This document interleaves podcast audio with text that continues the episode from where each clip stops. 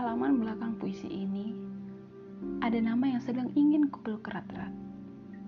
Membenamkan wajah hingga hilang di dadanya, atau sekedar mengantungkan tangan di lengannya yang selalu terasa hangat.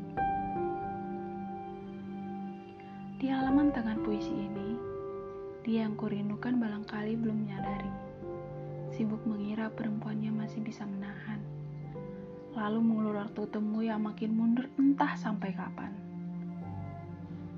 Di halaman depan puisi ini, ada yang sedang tersenyum diam-diam.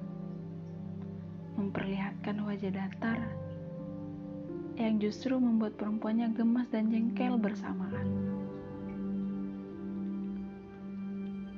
Jatuh hati memang selalu tanpa tetapi, tapi menahan rindu